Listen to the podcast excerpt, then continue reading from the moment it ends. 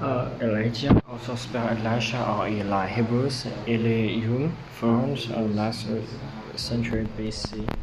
I just mean Yahweh is my God, and uh, others. The story of Elijah is found in Old Testament in the first book of King, chapters 17 and 18. Elijah's story begins by introducing the state of the affairs for the people of Israel.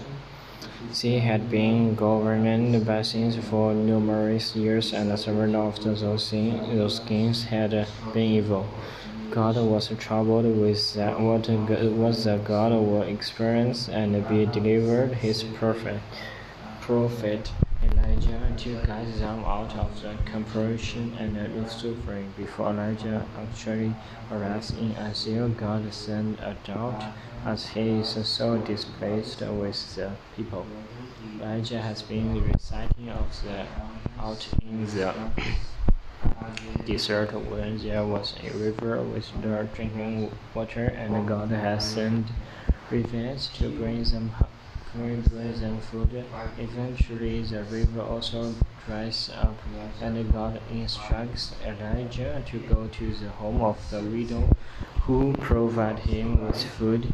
When Elijah comes to the town to the Raphates, he sees a widow and asks her to get him some water and bread. She replies that she only has a small amount of flour and oil and is collecting sticks that, so she can cook it as a protection of the bread as a last meal for her son and herself.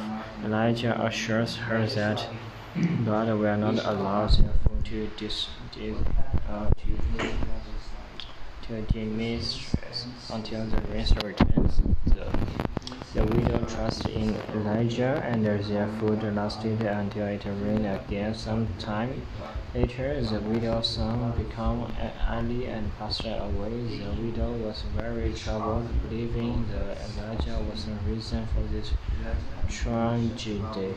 So Elijah was becalmed by wisdom. He attempted to bring the boy back to life by praying to God. In a miraculous event, God heard Elijah and answered his prayers and brought the boy back to the life. When Elijah returned the boy to his mother, and the woman could recognize that Elijah was a man of God and was amazed. The story of of uh, is finished.